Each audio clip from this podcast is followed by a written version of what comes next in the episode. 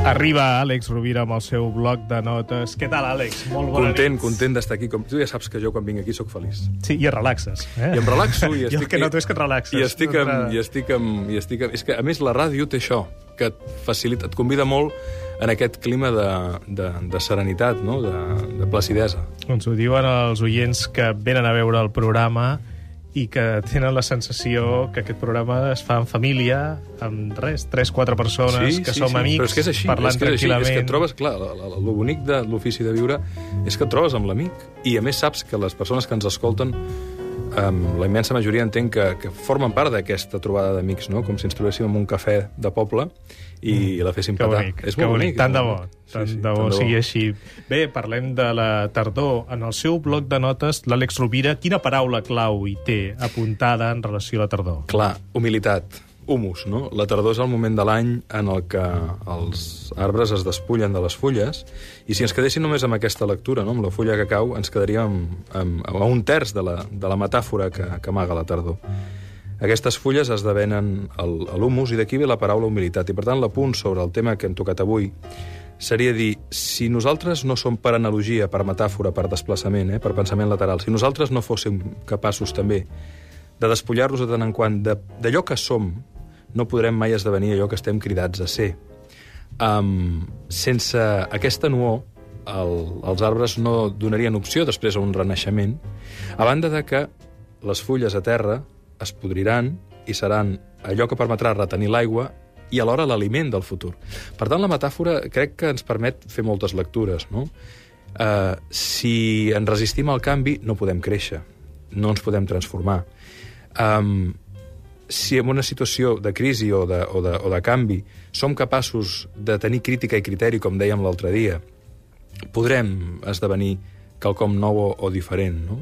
no es tracta, fixa-t'hi que també els arbres ens diuen que no es tracta de tenir, sinó d'aconseguir ser. S'han de despullar d'allò que tenen. I després una altra lectura és que quan ve el temps de primavera, tot procés evolutiu no acostuma a ser lineal. Es produeix un salt, un salt molt important. El tronc de l'arbre no, no creix lineal i proporcionalment durant tot l'any, sinó que de sobte es queda dormit al llarg de l'hivern, es queda fet dormit des de l'estiu fins a l'hivern, i a la primavera treu un anell, uns quants mil·límetres més, de sobte, un exercici per al qual s'ha estat preparant durant tot aquell període d'aparent descans. A, nosaltres ens passa els mateixos, el mateix després d'un moment difícil, d'una travessia del desert o d'una preparació, aleshores integrem una habilitat i es manifesta plenament. Um, aquest seria el, la metàfora que voldríem comentar sobre la tardor, no? Perquè, de fet, venint cap a l'estudi pensàvem al Richard Bach, no? el metge que va descobrir les, les flors de Bach. Amb quina sensibilitat va tenir aquest home per adonar-se'n que tenien una sèrie de propietats curatives?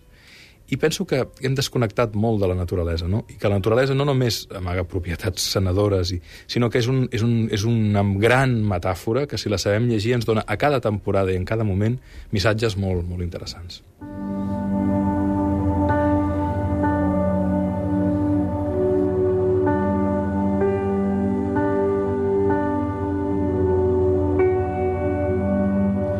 Un apunt del bloc de notes de l'Àlex Rovira, que de ben segur dedicarà la tardor, entre altres coses, a part de treballar molt, a part de treballar molt, a passejar pels boscos amb els seus fills. Amb el, sí, el Montseny, no? que és eh, el Montseny i la zona de, de les Guilleries i del Coll Sacabra i tota la, tota la bellesa que tenim a la, a la, a la comarca de, de, de l'Osona i de la Selva, que és extraordinària. És extraordinària. Avui parlava amb, un, amb una amiga i, i deia s'ha de conèixer Catalunya, hem de conèixer aquest país, és extraordinari, i l'hem de cuidar i l'hem d'estimar, eh? perquè si volem tenir moltes tardors, val la pena que siguem conscients de la bellesa que tenim en aquest tros de terra, i a tota la terra en general, no? perquè és extraordinària.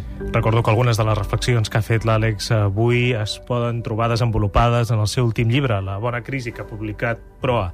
Gràcies, Àlex. Gràcies, bona, Gaspar. bona vida i bona crisi. I bona crisi i bona sort.